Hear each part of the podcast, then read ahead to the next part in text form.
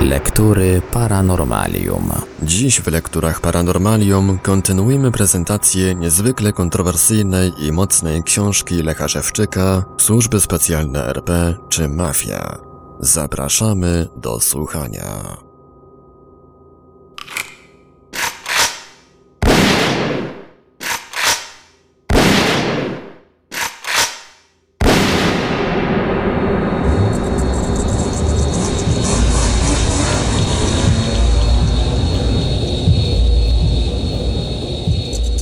Programie tym podałem też, że należy przeprowadzić weryfikację prokuratorów, sędziów oraz wyższego szczebla urzędników państwowych. Weryfikacja ta nie dotyczyłaby jednak politycznych czy religijnych poglądów weryfikowanych, lecz byłaby pod względem łamania przez nich prawa, mafijnych powiązań i korupcji. Chcąc, aby weryfikacja ta odbywała się szybko i sprawnie, należałoby w tym celu opracować odpowiedni test i posłużyć się wykrywaczem kłamstw. Ważna też jest sprawa niezależności politycznej wojska. Ta kluczowa instytucja nie może być stroną w rozgrywkach politycznych, lecz służyć lojalnym i uczciwym obywatelom naszego kraju. Wojsko wciąż jest jedyną realną siłą w Polsce, zdolną ukrócić pozaparlamentarną władzę i działalność mafii państwowej. Natomiast celem poprawy bytu społeczeństwa zaproponowałem, aby znacząco podnieść płace, emerytury i renty. Jest to znany argument wyborczy Konfederacji Polski Niepodległej, jednakże po wyborach zapomniany. Posługując się tym argumentem, w przeciwieństwie do innych, opracowałem wyjaśnienie, w jaki sposób zachowa się wówczas rynek i gospodarka. Czyli, jak wszystkim wiadomo, po upadku PRL nowe rządy wciąż walczą z inflacją. Natomiast z analizy rynku wynika, że inflacji w Polsce nie ma. Każdy, kto uczył się ekonomii, wie, że inflacja to taki stan rynku, gdy gospodarka pracuje przy wykorzystaniu pełnego potencjału, a na rynku nie ma towaru. Podobnie jak to wyglądało w Polsce krótko przed wprowadzeniem stanu wojennego. Sytuacja taka powstanie wówczas, gdy płace są tak wysokie, że społeczeństwo wykupi cały towar z rynku i zachowa jeszcze pieniądze, bez pokrycia, stanowiące właśnie inflację. W Polsce natomiast towaru jest w sklepach pod dostatkiem. Również hurtownie i magazyny fabryczne zapełnione są towarem, którego rynek nie może wchłonąć. Ponadto wiele przedsiębiorstw w ogóle bankrutuje z powodu niemożliwości sprzedaży wyprodukowanych towarów. Natomiast prawie wszystkie przedsiębiorstwa utrzymujące się jeszcze przy życiu mogą szybko zawiększyć produkcję, gdyby tylko dało się ją sprzedać. Tak samo jest w rolnictwie. Rolnicy nie mogą sprzedać wyprodukowanej żywności. Ten problem, jak wiemy, został już rozwiązany poprzez doprowadzenie do ruiny wielu gospodarstw rolnych. Podana sytuacja jest powszechnie znana. Mimo więc tak sprzyjających okoliczności, społeczeństwo w Polsce nie ma pieniędzy, aby wykupić podstawową ilość żywności, artykułów przemysłowych i usług. Z ekonomii też wiadomo, że taki stan rynku, który obecnie mamy w Polsce, czyli gdy towaru jest w nadmiarze, a społeczeństwo otrzymuje za wykonaną pracę tak mało pieniędzy, że może wykupić tylko niewielką jego część, nazywa się deflacją. Jak to więc się dzieje, że z bilansu sporządzonego przez nowe rządy wynika, że jest inflacja, a z analizy rynku i gospodarki wynika, że jest deflacja? Odpowiedź jest prosta, bo większa część pieniędzy wypuszczona w obieg nie trafia poprzez pensje, emerytury, renty oraz inne świadczenia do uczciwie żyjących ludzi, lecz w tysiącach afer kradnie je mafia. Jak wiadomo, mafia w Polsce ma charakter państwowy i są to skorumpowani urzędnicy państwowi w starym, a zwłaszcza nowym wydaniu, ale głównie są to służby specjalne, również w starym i nowym wydaniu. Obrazowo powstanie deflacji w Polsce można wytłumaczyć w sposób następujący. Z oficjalnych danych wynika, że przeciętna płaca uczciwie pracującego Polaka przy końcu 1993 roku nie przekraczała 3 milionów złotych. Jak wiadomo, jest to zbyt mało, aby pokryć podstawowe potrzeby rodziny. Natomiast załóżmy, że jeden mafiozo przeciętnie kradnie 100 milionów złotych miesięcznie. Są tacy, którzy kradną dużo więcej. Z sumy tej mafiozo wyda powiedzmy 10 milionów, a resztę łupu ukryje, zamieni na dolary, ulokuje za granicą i tak. W taki więc sposób towar na rynek podawany jest w pełni, a wykupywana jest z niego tylko część, co właśnie powoduje deflację. Jednym ze sposobów przejmowania przez mafię pieniędzy, powodowanie deflacji i recesji jest sprzedaż na rynku kradzionych towarów, podrabianych i pochodzących z przemytu. Zmniejsza się przez to sprzedaż w takim samym stopniu towarów legalnie produkowanych, z których jest płacony podatek, a więc są pieniądze na płace, renty, emerytury oraz inne świadczenia dla społeczeństwa. Warto również przeanalizować, jak zachowa się w obecnej wyjaśnionej sytuacji rynek, gdyby podwyższyć pensje, emerytury i renty na przykład dwukrotnie. Oczywiście spowodowałoby to zwiększenie pozornej inflacji, jednakże bez zachwiania równowagi na rynku. Społeczeństwo będzie wówczas stać na zapłacenie świadczeń, zakup towarów z rynku w zwiększonej ilości według potrzeb. Nastąpi więc spływ towarów z rynku, a na ich miejsce przedsiębiorstwa wyprodukują nowe zacznie się proces ożywiania gospodarki.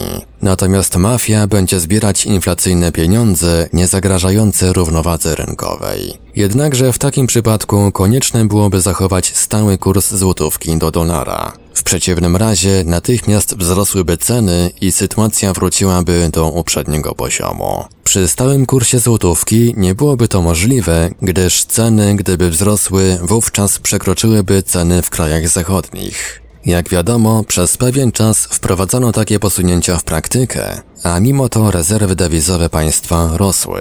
Posunięcie to przyniosło wysokie korzyści, gdyż zatrzymało wzrost cen na inflację. Powszechnie jednak twierdzono, że stało się tak za sprawą urynkowienia gospodarki. Było to błędne rozumowanie, bo nawet po urynkowieniu gospodarki, gdyby rósł kurs dolara, to dalej rosłyby ceny. Tak właśnie jak to można zaobserwować obecnie, gdy kurs ten jest swobodny. Inna korzyść z utrzymania stałego kursu złotówki do dolara była taka, że nasze pensje w odniesieniu do dolara wciąż rosły. Trzymanie oszczędności w dolarach stało się nieopłacalne. Korzyści te były znacznie większe, ale przy bezprawiu w Polsce mafia wykorzystała ten stan dla zorganizowania afer i zdobycia olbrzymich łupów. Tak więc, aby nastąpiło ożywienie gospodarki, wyjście z recesji, społeczeństwo musi otrzymać za swoją pracę pieniądze w kwocie wystarczającej na godne utrzymanie. Natomiast zwalczanie inflacji należy przeprowadzić przez odzysk tych pieniędzy, które kradnie mafia. Jak daje się zauważyć, kolejne rządy RP postępują akurat odwrotnie. Inflację zwalczają poprzez wprowadzenie ucisku ekonomicznego uczciwej części społeczeństwa, a więc poprzez popiwek, podwyżki podatków, czynszy, cen towarów, opłat za zużycie energii, wody, poprzez ograniczenie funduszy na lecznictwo, szkolnictwo, opiekę społeczną itd. Tak Natomiast prosperująca ponad prawem mafia swobodnie rozkrada efekty wieloletniej pracy całego społeczeństwa. W opracowanym programie wyborczym podałem też sposób skutecznego zwalczania korupcji. Zaproponowałem wprowadzić przepis prawny, na podstawie którego karany byłby tylko przyjmujący łapówkę, a łapówkodawca nie podlegałby ściganiu. Ponadto łapówkodawca, gdyby potrafił udowodnić, że przyjęto od niego nienależne korzyści, np. nagrywając przebieg rozmowy, wtedy uzyskałby ich zwrot. Urzędnicy państwowi składają przecież przyrzeczenie, a niektórzy nawet przysięgę, że będą pełnić powierzone im obowiązki zgodnie z prawem. Czyli są świadomi, że korupcja jest przestępstwem. Zagrożenie więc, że łapówkodawca w każdej chwili może przestępstwo ujawnić, choćby dlatego, aby odzyskać wręczoną łapówkę, nie ponosząc za to konsekwencji, skutecznie powstrzymałoby korupcję. Zmienić w ten sposób prawo będzie jednak bardzo trudno. Przepisy prawne uchwala przecież władza, której właśnie korupcja dotyczy. Dlaczego więc miałaby prowadzić działania szkodzące jej interesom? Mafia też chce skorumpowanych urzędników, bo w ten sposób łatwiej będzie organizować i tuszować afery. Znajdą więc dziesiątki argumentów, aby zostało tak jak jest. To jest to samo, co z ustawą psychiatryczną. Wprowadzenie jej nie jest w interesie psychiatrów oraz tych, którym służą, czerpiących zyski z eksploatowanych w szpitalach psychiatrycznych ludzi.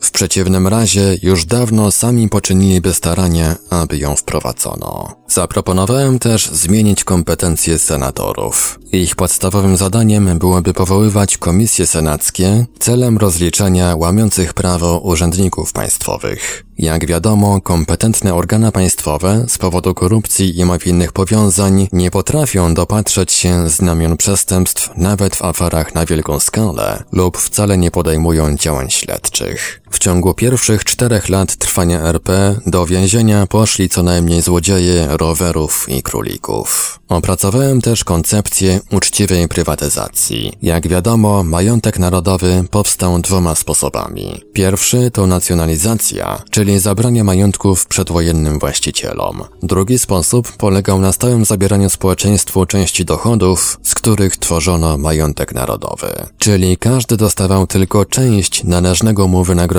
za pracę, a z pozostałej powstały fabryki, drogi, mosty, szkoły itd., tak będące wspólną własnością narodu. Tak też mówiły władze PRL. Wszystko jest wspólną Polaków własnością. Gdy Polska zmieniła nazwę z PRL na RP, gdy nastały nowe władze, okazało się, że jest inaczej. Uznano, że jest to jakieś państwowe i państwo zadecyduje, co z tym majątkiem zrobić. Niektórzy nawet stwierdzili, że jest to niczyje, a więc biorą ile się da. Nowe władze w obawie, że Polacy nie będą wiedzieć, co zrobić ze zwróconym im majątkiem, postanowiły przekształcić go według własnych pomysłów. Jak dotychczas więcej zostało zniszczone, rozkradzione, za bezcen sprzedane niż z pożytkiem przekształcone. Niewielkie pieniądze uzyskane ze sprzedanych przedsiębiorstw rozpływają się w podziurawionym budżecie. Działania takie miałyby pożyteczny sens tylko wówczas, gdyby pieniądze ze sprzedanego przedsiębiorstwa przeznaczono na restrukturyzację kilku innych. Tak jednak nie jest. Problem zwrotu majątku narodowego społeczeństwu wciąż nie jest rozwiązany. Prowadzi się tylko różne kombinacje, w wyniku których najwięcej dostaje się tym, którzy niewiele lub wcale nie pracowali przy jego wytworzeniu. W jaki sposób nowe władze potraktowały problem własności majątku narodowego, najlepiej da się wytłumaczyć, robiąc stosowne porównanie. Załóżmy, że władze PRL zamiast przeznaczać część wynagrodzeń społeczeństwa na wytworzenie majątku narodowego, składały tą samą część każdemu na książeczce PKO, którą trzymały w przymusowym depozycie. Po 45 latach takiego przymusowego oszczędzania przyszły nowe władze, które przejęły zawłaszczone książeczki PKO i dalej nie mają zamiaru zwrócić ich właścicielom. Uznały się za kompetentne w dysponowaniu tymi wartościami, a nawet wyprzedają je za granicę. Przy dotychczasowo prowadzonym systemie przekształceń własnościowych wkrótce okaże się, że Polacy nic nie mają, że przez 45 lat niczego się nie dorobili.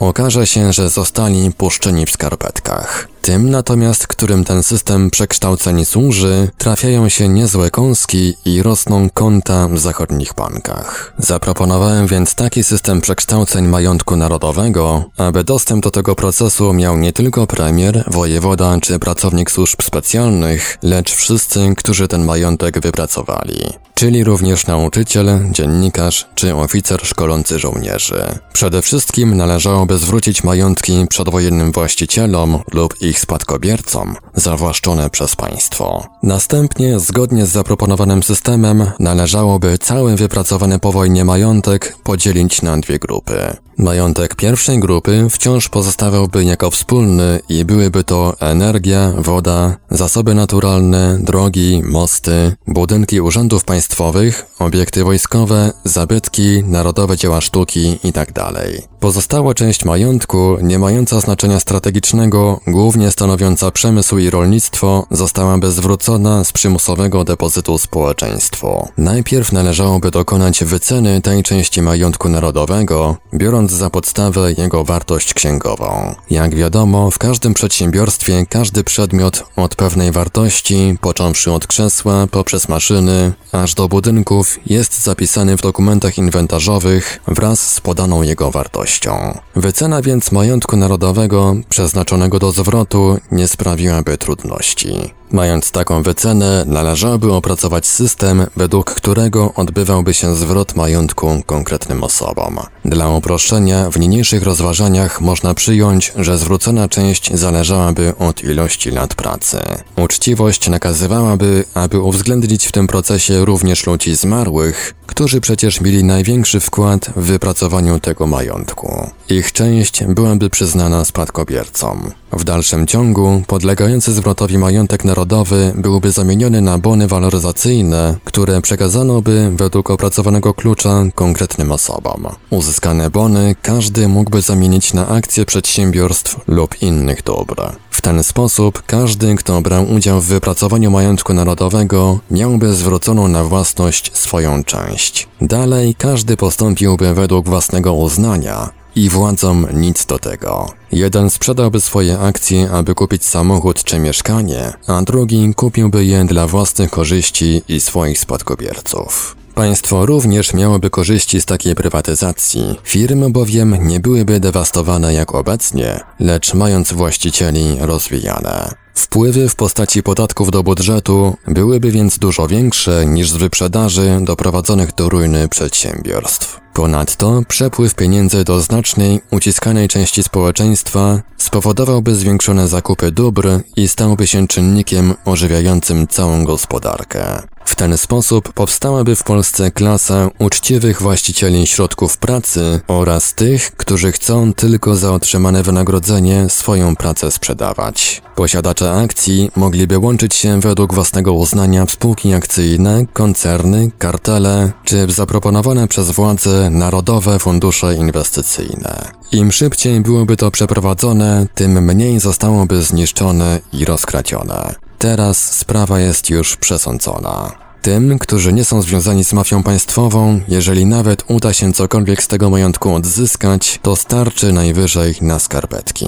W opracowanym programie wyborczym zamieściłem też wiele innych propozycji. Obecnie dopisałbym jeszcze jedną. Uważam bowiem, że w związku z rażącym pogorszeniem się stanu bezpieczeństwa w Polsce, każdy uczciwie żyjący obywatel powinien mieć możliwość posiadania broni. Za czasów PRL, gdy były jakieś władze i kompetentne instytucje, które oprócz inwigilowania księży i opozycji politycznej, zajmowały się też bezpieczeństwem i ochroną ludności, posiadanie broni nie było konieczne. W czasach tych nie było możliwe, aby trzynastoletnie dzieci uprawiały prostytucję pod dworcami i hotelami, bo natychmiast znalazłyby się w izbie dziecka. Również nie było możliwe, aby ci, którzy powinni szkoły chronić, pozwalali w nich sprzedawać swobodnie dzieciom narkotyki.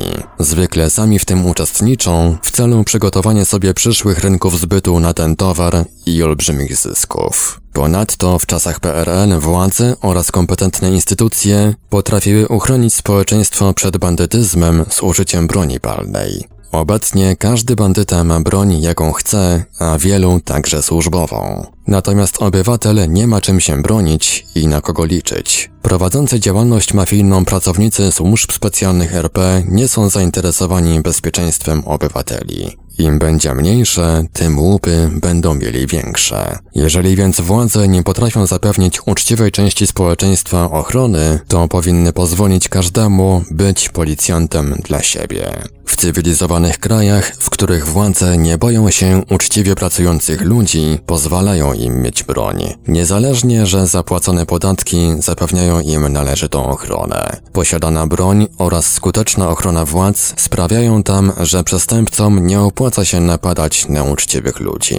Napadają i okradają innych złodziei, a jeżeli mordują, to zwykle siebie wzajemnie, z powodu powstałych konfliktów i porachunków. W Polsce jest odwrotnie. Ofiarami przestępców są bezbronni, pozbawieni ochrony władz, uczciwie żyjący i pracujący ludzie. Jeżeli też sięgnąć pamięcią do ówczesnej kampanii wyborczej, zauważy się, że zgodnie z powszechnie panującą opinią, kandydaci na parlamentarzystów nie byli przygotowani do wyborów. Zewsząd padały zarzuty, że nikt nie ma programu wyborczego. Każdy podawał tylko, co trzeba zrobić, ale bez pomysłu, jak to zrobić. Można jednak zauważyć, co wynika z podanych faktów, że mojej kandydatury zarzuty te nie dotyczyły.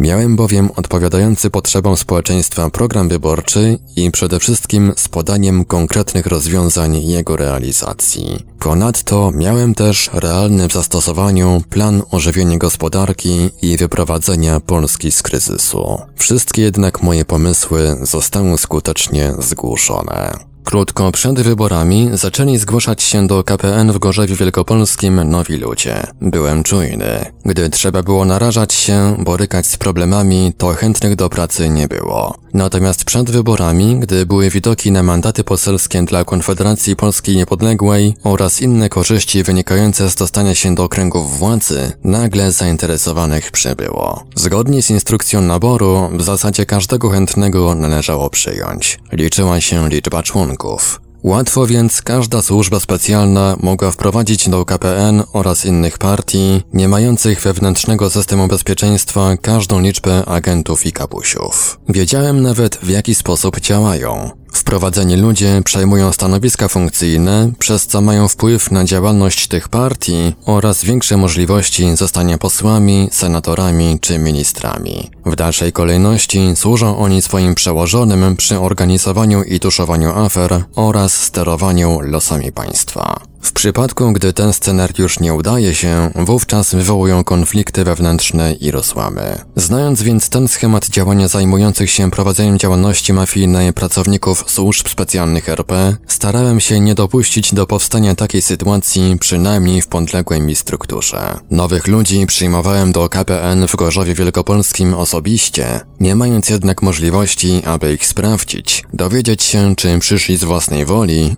czy ktoś ich z jakimś zadaniem przysłał. Każdemu więc przynajmniej dawałem do zrozumienia, że w przypadku prowadzenia działalności niezgodnej ze statutem, prób organizowania intryg, rozłamów, będzie zawieszony w działalności. Między innymi w połowie 1991 roku przyłączyli się do KPN w Korzowie Wielkopolskim Wiesław K. oraz Grzegorz M. Przyszli w odstępie dwóch tygodni. Mieszkali na tej samej ulicy, ale zgodnie twierdzili, że nie znali się uprzednio. Grzegorz M. to typ człowieka poważnego, odpowiedzialnego. Natomiast Wiesław K. to niepohamowana ambicja, pchanie się do przodu. Mimo krótkiego pobytu w KPN domagał się coraz większych funkcji. Ponieważ angażował się w działalność, dostawał je. Wciąż jednak było mu mało. Intrygowało go, że stanowisko zastępcy szefa okręgu nie jest obsadzone, a on świetnie by się na nie nadawał. Tego nie dostał. Czekało na kogoś pewnego, godnego zaufania. W związku ze zbliżającymi się wyborami zostałem zobowiązany, aby wytypować z podległego mi okręgu kandydatów na posłów i senatorów. W wyborach tych województwo gorzowskie było złączone z Pińskim jako jeden okręg wyborczy. Miałem z tym poleceniem problem. Starzy, godni zaufania działacze KPN ze Słubic i Drezdenka nie chcieli kandydować. Rwali się za to nowo przyjęci, szczególnie Wiesław K. Ten jednak według mojej oceny nie nadawał się na kandydata, dlatego odmówiłem mu. Z nowo przyjętych zaryzykowałem jednak zaproponować na listę wyborczą Grzegorza M., wystawiając mu pozytywną opinię.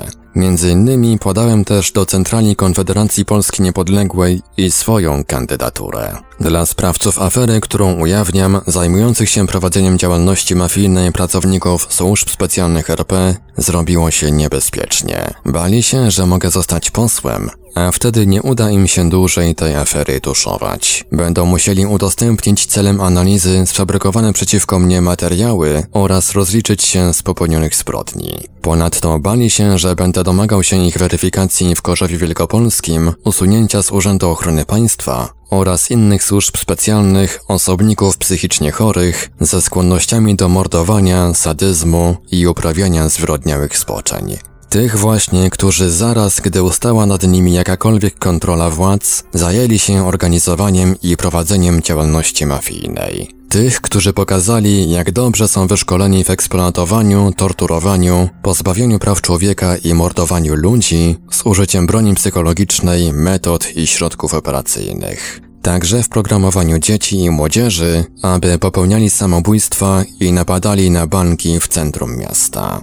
Chcąc się więc uchronić przed czekającymi ich kłopotami, przekupili swoich kolegów opiekujących się prywatnie KPN-em, aby nie przeszkadzali rozprawić się ze mną i zaczęli działać. Postanowili zepchnąć mnie do stanu wyjścia, zanim jeszcze zaczną się wybory. Pewnego sierpniowego dnia 1991 roku z własnej inicjatywy, bez mojej wiedzy, pojechali do Poznania do biura obszaru 6 Wiesław K. oraz Grzegorz M. Byli tam po raz pierwszy. Z uwagi też na krótki okres przynależności do KPN nie znali tamtejszych przełożonych. Rozmawiali z Robertem T., zastępcą szefa obszaru. Tego samego wieczoru, po powrocie do Gorzowa, zaopatrzeni w stosowne pełnomocnictwo, zaczęli obchodzić członków KPN. Celem było podżeganie przeciwko mnie, szukanie dla siebie zwolenników. Wyłudzali nawet w tym celu podpisy domagające się zachowania tajemnicy. Ludzie, których nachodzili, powiedzieli mi o tym już następnego dnia. Sprawa była dla mnie jasna. Nikt przecież z własnej inicjatywy, po niecałych trzech miesiącach przynależności do organizacji, nie znając ludzi, dobrze statutu i kierunku działania organizacji, nie będzie organizował przewrotu. Czyli ktoś, komu bardzo się spieszyło zlecić im to zadanie. Postanowiłem więc zawiesić ich w działalności do wyjaśnienia. Okazało się jednak, że to ja zostałem zawieszony. Grzegorz M. pokazał mi dokument podpisany przez Roberta T., nakazujący, abym w trybie natychmiastowym zdał mu okręg z przekazaniem kluczy do biura włącznie. Przez chwilę myślałem, że śnie. Zdawało mi się, że jestem w przedszkolu, nie obrażając przedszkolaków, a nie w partii politycznej, która niedługo później zdobyła kilkadziesiąt mandatów do Sejmu. Po półtora roku przynależności do KPN dla Roberta T. okazałem się tak niewiarygodny, że w trybie natychmiastowym, bez podania przyczyn, pozbawił mnie wszystkiego. Tak postępuje się ze złodziejem i to tylko przyłapanym na gorącym uczynku. W ten właśnie sposób potraktował mnie Robert T. W pełni za to zaufał ludziom, których widział po raz pierwszy, dając im natychmiast i to bezprawnie wszystko. Im więcej poznawałem szczegółów, tym bardziej byłem przekonany, że jest to zorganizowane, zaplanowane działanie i to w sposób prymitywny, chamski, tak aby na pewno przyniosło skutek. Wiele wskazuje, że Robert T. wiedział co ma zrobić, gdy Wiesław K. i Grzegorz M. przyjdą do niego. Postąpił przecież wbrew wszelkim zasadom. Wydał im nawet z archiwum obszaru kserokopię kartotek wszystkich członków KPN okręgu. Były wśród nich i kartoteki nieznanych mi członków KPN. Przypuszczam, że zrobił to pod pretekstem dania im adresów członków, aby ci mogli z nich zmontować grupę przeciwko mnie. Czy jednak tylko w tym celu dostali te kartoteki, nie wiadomo. Same adresy mogli przecież odpisać. Dało się też zauważyć, że z dwóch wykonawców przewrotu KPN w Gorzowie Wielkopolskim aktywnym był tylko Wiesław K. Natomiast Grzegorz M. ciągnął się tylko za nim. Zachowywał biernie, trzymał na uboczu. Można nawet powiedzieć, że nie całkiem był zadowolony z roli, którą mu powierzono. Każdy więc, będąc na miejscu Roberta K., kierując się własną oceną, bez sugestii innych osób, wybrałby na mojego następcę Wiesława K. Tym bardziej, że tylko on z obu kandydatów miał wyższe wykształcenie, a przy tym bardziej godny zaufania zawód. Mimo tak oczywistych argumentów przemawiających na korzyść Wiesława K., Robert T. powierzył przejęcie ode mnie okręgu Grzegorzowi M.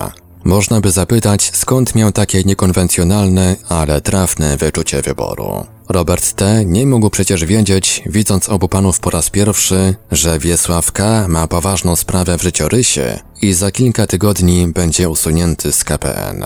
Ponieważ nie wierzę w przypadki, uważam, że Robert T. miał w tej kwestii stosowne instrukcje i to dlatego pula przypadła Grzegorzowi M.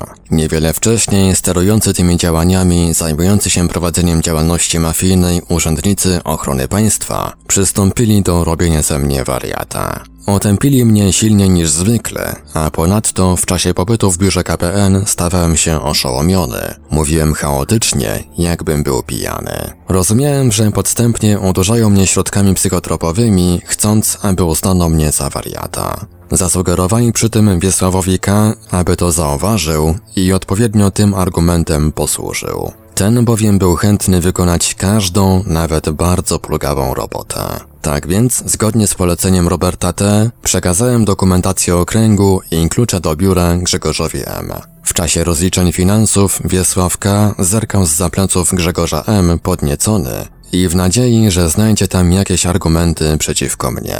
Przeliczył się jednak. Wszystkie pieniądze pochodzące ze składek oraz inne rejestrowałem i nie brakowało nawet złotówki.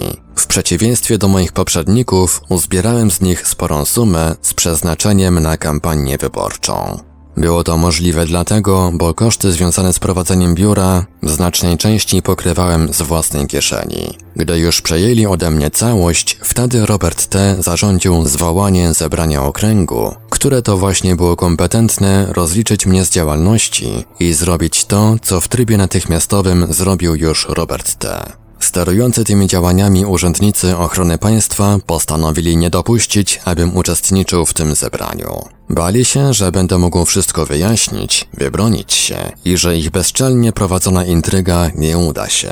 Poradzili sobie z tym problemem, używając jak zwykle broni psychologicznej. Zaprogramowali mnie, że gdy tylko zbliżyłem się do kogokolwiek z KPN, dostawałem drżący, płaczliwy głos. Działanie programu było tak silne, że nie dało się tego opanować. Musiałem więc unikać tych ludzi, aby się nie kompromitować. Zrobili więc odwrotnie niż było to niewiele wcześniej, przed wywołaniem tego incydentu. Wtedy bowiem, również za szkodą dla mnie, zaprogramowali mnie, że zdominowałem wszystkich. To mnie wówczas unikano. Prowadzącym tę rozgrywkę tak bardzo zależało na wyeliminowaniu mnie, że gdybym uczestniczył w tym zebraniu, próbował się bronić, to tak jakby mną zamanipulowali, że publicznie wyszedłbym na wariata. Chcąc tego uniknąć, musiałem zrezygnować. Całość więc przygotowali i przeprowadzili w sposób, abym nie miał szans obrony. Uciekli się do metod chamskich, plugawych, bo posłużyli się bronią psychologiczną i robili ze mnie wariata. Mieli przeciwko mnie do dyspozycji cały aparat bezpieczeństwa, a ja do obrony tylko swój rozum. Mimo to nie chcieli ryzykować przegranej, a więc użyli metod plugawych. Z tego właśnie powodu postanowiłem kulisy całej tej sprawy ujawnić. Wytłumaczyć tą drogą to, czego nie pozwolili mi zrobić na zebraniu okręgu. Gdyby całość przeprowadzili w sposób konwencjonalny, zagrali zgodnie z zasadami, założyli pułapki i przyłapali na popełnianiu błędów, wówczas nie miałbym pretensji. Po prostu uznałbym się za pokonanego, odszedł i nigdy do tej sprawy nie wracał. Stało się jednak inaczej, dlatego należało to wyjaśnić. W czasie owego zebrania zdjęto mnie z funkcji szefa Okręgu Gorzowskiego Konfederacji Polski Niepodległej a na moje miejsce pod dyktando Roberta T. został powołany Grzegorz. Niewiele później dostałem pisemne powiadomienie o tej decyzji. W nowych układach Wiesław K. parł do przodu. Wreszcie mógł uwolnić hamowane przeze mnie ambicje. Koniecznie chciał zostać posłem. Jeździł już nie tylko do biura obszaru, ale także do Centrali Konfederacji Polski Niepodległej w Warszawie. Wyrabia sobie opinię zaangażowanego działacza i nawiązywał znajomości. Robił to bazując na mojej sprawie. Dyskutował, ośmieszał, robił wariata. Rozmawiał w tym tonie również z jednym z liderów KPN, Krzysztofem K. Wszystko w sytuacji, gdy nie mogłem się bronić. Wiesławka, gdyby uważnie przeanalizował swój sposób zachowania, z łatwością zauważyłby przynajmniej skłonności do sadyzmu. Ktoś, kto bardziej zna się na tych sprawach, może zauważyłby więcej. Jego udzielanie się i zasługi w centrali zostały docenione, bo umieścili go na krajowej liście wyborczej KPN. Jego błyskotliwą karierę przerwał artykuł w lokalnej gazecie. Okazało się, że kandydat na posła bardzo nieprzyzwoicie zachował się wobec dużo od siebie młodszej, nieletniej uczennicy. W następstwie ujawnienia tego postępowania Wiesławka został skreślony nie tylko z krajowej listy wyborczej, ale również z KPN. Mimo, że od czasu pozbawienia mnie wszystkich funkcji przez Roberta T. mój kontakt z KPN ustał, to jednak umieścili mnie na okręgowej liście wyborczej KPN. Postępowali perfidnie. Z jednej strony przeszkadzałem im, a z drugiej potrzebowali pozyskać głosy popierających mnie wyborców na konto KPN. W czasie pełnienia funkcji szefa okręgu gorzowskiego zdobyłem już pewien elektorat i poparcie. Na liście tej umieścili mnie jednak dopiero na ósmym miejscu. Mimo to uzyskałem 524 głosy, co dało szóste miejsce w ilości zebranych głosów przez wystawionych kandydatów. Dodam przy tym, że nie prowadziłem żadnej kampanii wyborczej. Nawet przeciwnie, ludziom, którzy rozmawiali ze mną i deklarowali poparcie, doradzałem, aby na mnie nie głosowali. Gdybym postąpił inaczej, wtedy nadużyłbym ich zaufania. Zostałem oszukany i nie spełniłbym ich oczekiwań. Z psychologii głosowania wiadomo, że wyborca, który nie zna kandydatów umieszczonych na liście, chcący głosować na wybraną partię, przeważnie zagłosuje na pierwszego. Poniżej trzeciego właściwie nie ma co liczyć na przypadkowe głosy, a im bliżej końca listy, tym szanse te są coraz mniejsze. Tak więc mogę powiedzieć, że 524 głosy oddali na mnie tylko ludzie, którzy mnie znają i chcieli głosować na KPN. Zważywszy podane fakty, mogę twierdzić, że wyborcy, mimo iż stale byłem tłamszony, ośmieszany i poniżany, ocenili moją krótką działalność w Konfederacji Polski Niepodległej wysoko. Pierwszym umieszczonym na tej liście był Robert T., mieszkaniec S w województwie poznańskim. W Gorzowie Wielkopolskim nie był więc znany, ale jako pierwszy na liście przejął większość przypadkowych głosów i został posłem. Można więc powiedzieć, że miał interes, aby odsunąć mnie od działalności i zająć moje miejsce na liście. Uważam, że czynnik ten mógł być zachętą, mieć jakiś wpływ na jego postępowanie, ale nie miał istotnego znaczenia. Listy wyborcze podległych okręgów, m.in. Gorzowskiego, ustalało właśnie kierownictwo obszaru 6 z siedzibą w Poznaniu. Czyli Robert T., jako zastępca szefa, mógł umieścić się na niej jako pierwszy bez problemu. Wniosek więc taki, że to, co zrobił wspólnie z Wiesławem K. i Grzegorzem M., było zleconym mu zadaniem. Jak zwykle w sytuacjach prowadzenia takich intryg byli i ludzie popierający mnie. Zachęcali, abym próbował się odbić, odwrócić sytuację, proponując przy tym pomoc. Musiałem odmówić. To nie było tak, jak przypuszczali, że stali zatem Wiesław K., Grzegorz M. i Robert T., bo oni byli tylko bezpośrednimi wykonawcami tej roboty. Zorganizowani to zajmujący się prowadzeniem działalności mafijnej urzędnicy ochrony państwa, mafia państwowa dysponująca olbrzymimi środkami, z bronią psychologiczną włącznie. Zbyt mocno zależało im, aby mnie usunąć, a więc nic nie dało się zrobić. Gdybym próbował się odbić, jeszcze bardziej otępiliby mnie. Faszerowali środkami psychotropowymi, programowali zaburzenia psychologiczne. Rezultat więc byłby tylko taki, że jeszcze bardziej ośmieszyliby mnie, zrobili wariata. Mogli posunąć się nawet do zbrodni. Wycofując się w odpowiednim momencie, zdołałem uchronić się przed dalszymi represjami tych pospolitych barbarzyńców. Uratowałem resztki autorytetu, a być może i życie. W KPN bowiem, mimo ich starań, nie uznali mnie za wariata. W przeciwnym razie nie umieściliby na liście wyborczej. Ponadto po pewnym czasie nieobecności w KPN nie dostałbym pisma od nowego szefa okręgu, napominającego o konieczności płacenia składek i uczestnictwa w działalności KPN. Wariata przecież woleliby się pozbyć. Jednakże jakiś powód dla wytłumaczenia podjętych wobec mnie decyzji Robert T. zdołał wymyślić. Jak wynikało z pisma, którym poinformował mnie w tej sprawie, po wspomnianym zebraniu okręgu zostałem pozbawiony funkcji z powodu słabych wyników personalnych i politycznych. Tylko dlaczego aż tak mu się spieszyło, że posunął się do bezprawnych metod? Jak to się mówi, każdy zarzut przejdzie, jeżeli ofiara nie może się bronić. Wiele podanych faktów mówi jednak inaczej. Nawet zważywszy tylko, że udało mi się zorganizować KPN w Gorzowie Wielkopolskim w momencie jego silnego zwalczania, mimo że sam byłem represjonowany. Później, gdy już różne opcje służb specjalnych zaczęły wprowadzać do KPN swoich przedstawicieli, przestało im zależeć na zniszczeniu tej partii. Było przez to łatwiej już organizować struktury i prowadzić działalność. Jednakże też pod ich wpływem polityka KPN straciła swój radykalny charakter. W ten sposób zaczęło zatracać się to, co przyniosło Konfederacji Polski Niepodległej sukces. Zrobiło się nijako. To już nie był ten KPN, do którego przyszedłem. Tych wielu nowych, którzy przyszli na gotowe, gdy już prawdziwi działacze, znoszący szykany i udrękę, wyprowadzili KPN na liczącą się siłę, na pewno nie będą służyć Polsce i społeczeństwu. W przypadku przejęcia władzy przez KPN, pod przykrywką posłów, senatorów, ministrów, wojewodów, komendantów policji i funkcyjnych w służbach specjalnych będą stawać się właścicielami spółek, firm prywatyzowanego majątku narodowego i stanowić rady nadzorcze instytucji, w których robi się duże pieniądze. Będą łupić Polaków i Polskę, tak jak ich koledzy umieszczeni w innych siłach politycznych. Wniosek więc taki, że niezależnie która siła polityczna przejmie w Polsce władzę, zawsze droga wiedzie do służb specjalnych. Wyjdzie więc na to samo i będzie mafia, korupcja i bezprawie.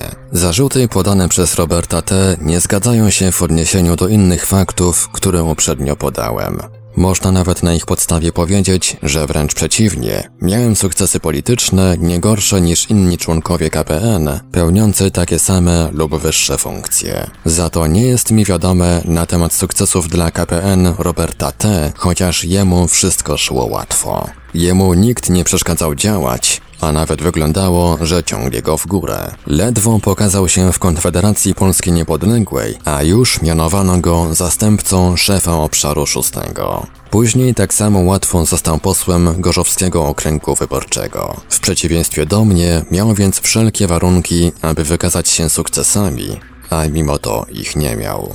Od czasu zdania okręgu zaprzestałem działalności i kontaktów z KPN, mimo pisemnej zachęty ze strony nowego szefa. Przypuszczam, że jednak zachęta ta była spowodowana sugestią pracowników służb specjalnych RP, opiekujących się prywatnie Konfederacją Polski Niepodległej. To im przecież najbardziej zależało, abym był tam dalej, chcąc znów znaleźć okazję, aby na mnie zarobić. Na pewno nowy szef okręgu, jak i poseł Robert T. z powodu przeprowadzonych sprzecznych ze statutem działań woleli, abym się usunął. Nagle jednak zauważyłem bodźce psychiczne, które pobudziły mnie do kontynuowania działalności w Konfederacji Polski Niepodległej. Zrozumiałem, że ktoś mną manipuluje, stara się wpłynąć na moją psychikę, abym zapomniał co się stało i dalej jak pszczółka robił dla niego miód. Takie manipulacje zauważy tylko ktoś, kto przeszedł stosowne w tym celu szkolenia. Inni uznają, że dzieje się to z ich własnej woli.